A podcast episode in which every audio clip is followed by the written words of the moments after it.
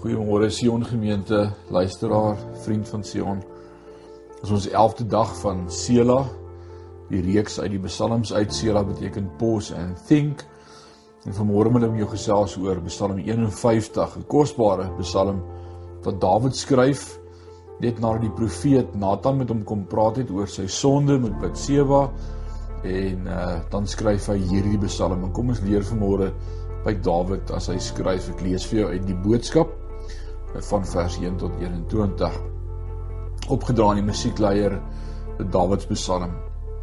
Toe die profeet Nathan met Dawid kom praat het nadat hy by Batseba geslaap het. God, wees my genadig. U het tog u kinders baie lief. Vergewe my al my sonde omdat u u kinders oorlaai met arms vol liefde. Vat my verkeerde dade baie ver van my af weg Jag my skuld van my sondes uit. Maak my skoon omdat my sondes my vuil gesmeer het. Ek weet dat ek groot foute in die oë gemaak het. Ek kan nie ophou om daaraan te dink nie. My gewete pla my aan mekaar. Ek was baie gehoorsaam aan U en dit teenoor U alleen. Maar U sal reg optree en U sal oor my lewe besluit.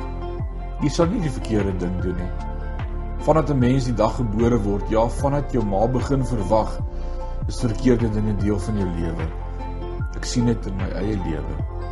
Vandag, vandat my ma my in die wêreld gebring het, dryf iets my om ongehoorsaam aan die Here te wees. Ek wil hê mens moet altyd eerlik en opreg wees, Here. Ek wil bitter graag weet wat U van my verwag. Hoe wil U hê moet ek lewe? Vat asseblief al die verkeerde dinge wat ek gedoen het ver van my af weg, Here. Kyk op 'n splinternuwe manier na my. sien my weer as iemand wat niks verkeerd gedoen het nie. My lewe moet so skoon wees soos die witste wol. Help my om weer opgewonde en bly te wees. Help my om te jubel van vreugde. Al het U my swaar gestraf. Moet nooit weer dink aan die verkeerde dinge wat ek gedoen het nie. Vat alles weg uit my lewe wat nie reg is in U oë nie. Maak my opreg, God. Maak my van kop tot toe en nuut sodat ek kan verstaan. Ek moet net van U al wegstoot nie. Jaag my nooit voor U weg nie. Laat U goddelike krag oor my nie weggaan nie. U krag sorg dat ek doen wat U vra. Laat ek weer bly wees U alleen ken die lewe. Uh, U kan die lewe nuut maak. Help my om U te dien met alles wat in my is. Ek wil baie graag mense help wat nie doen wat U sê nie. Ek wil vir hulle sê om hulle sondes te laat staan en en na U terug te kom. God, help my om nie ander mense se lewens te vernietig nie. U is die God wat my lewe heel maak. Help my om vol blydskap vir ander te vertel van die goeie dinge wat U doen. Here, sit al die regte woorde mee waarmee ek U kan prys in my mond. Here, U wil nie hê dat ons moet probeer vergoed vir alles wat U vir ons doen nie. Dan sou ek dit doen. U vra nie offers van ons eie nie. Al wat U wil hê is dat iemand laag voor U buig en kom sê hy is jammer oor sy verkeerde dade. God, U sal nooit iemand wat sleg voel oor hulle sonde van U wegstoot nie. Wees goed vir U kinders, Here. Bou U mense se lewe weer op. Dan sal hulle weer dinge doen wat U gelukkig maak. Dan sal hulle U weer voluit dien met alles wat hulle het. Hulle sal vir U die heel beste gee. Dit is 'n pragtige psalm hierdie. Ons ons leer iets van die hart van Dawid as hy met God kom praat oor sy verkeerde optrede. En vandag is die gedagte wat met my opkom is hoe sê mens ek is jammer? Ek dink is iets waarmee so baie van ons sukkel in ons lewens om regtig te kan sê ek is regtig jammer. Ons hoor nie meer in die tyd waarin ons leef regtig verskonings of onverskoning by mense nie. Hoeveel keer in jou lewe het jy 'n leefverskoning gehoor? Net uh, ek is jammer beteken niks tensy dit uit 'n berouvolle hart kom nie. Koning Dawid gee vir ons 'n prentjie van ware berou in Psalm 51. Dawid het God liefgehad.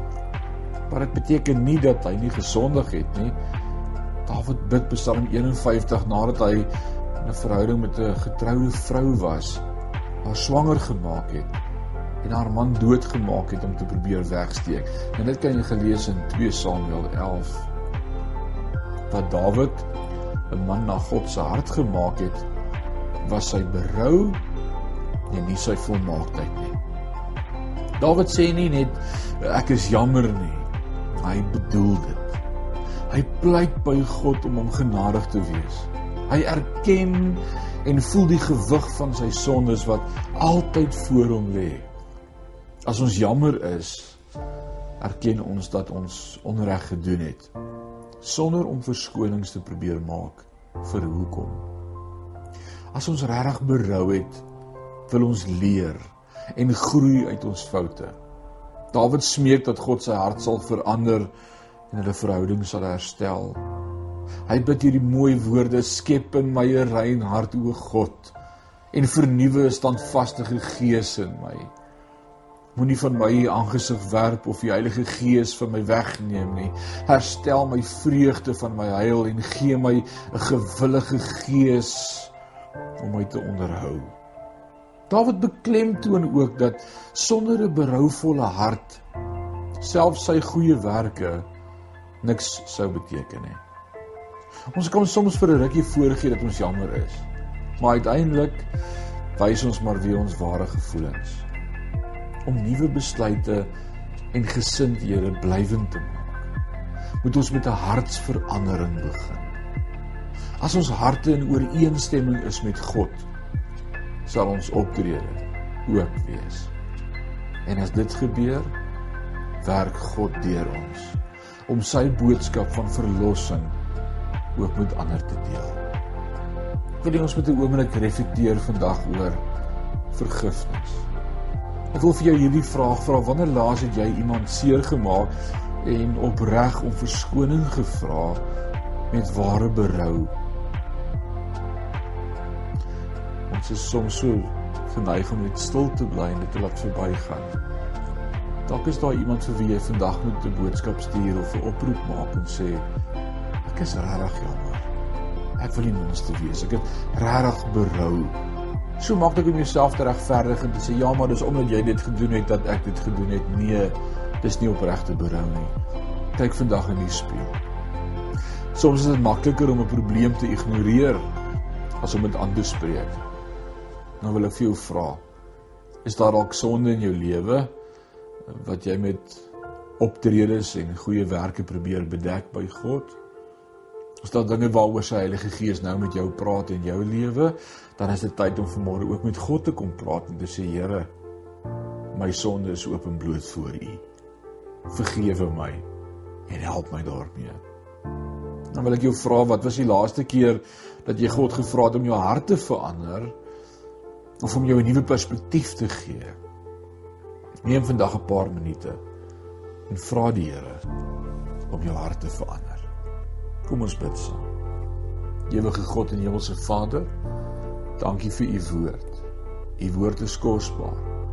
Psalm 51 is vir ons so 'n mooi voorbeeld vanmôre van opregte berou en ek wil vandag bid dat u ons elkeen sal help om ook 'n lewe van vergifnis te leef teenoor ander om waarlik berou te hê vir wat ons verkeerd gedoen het.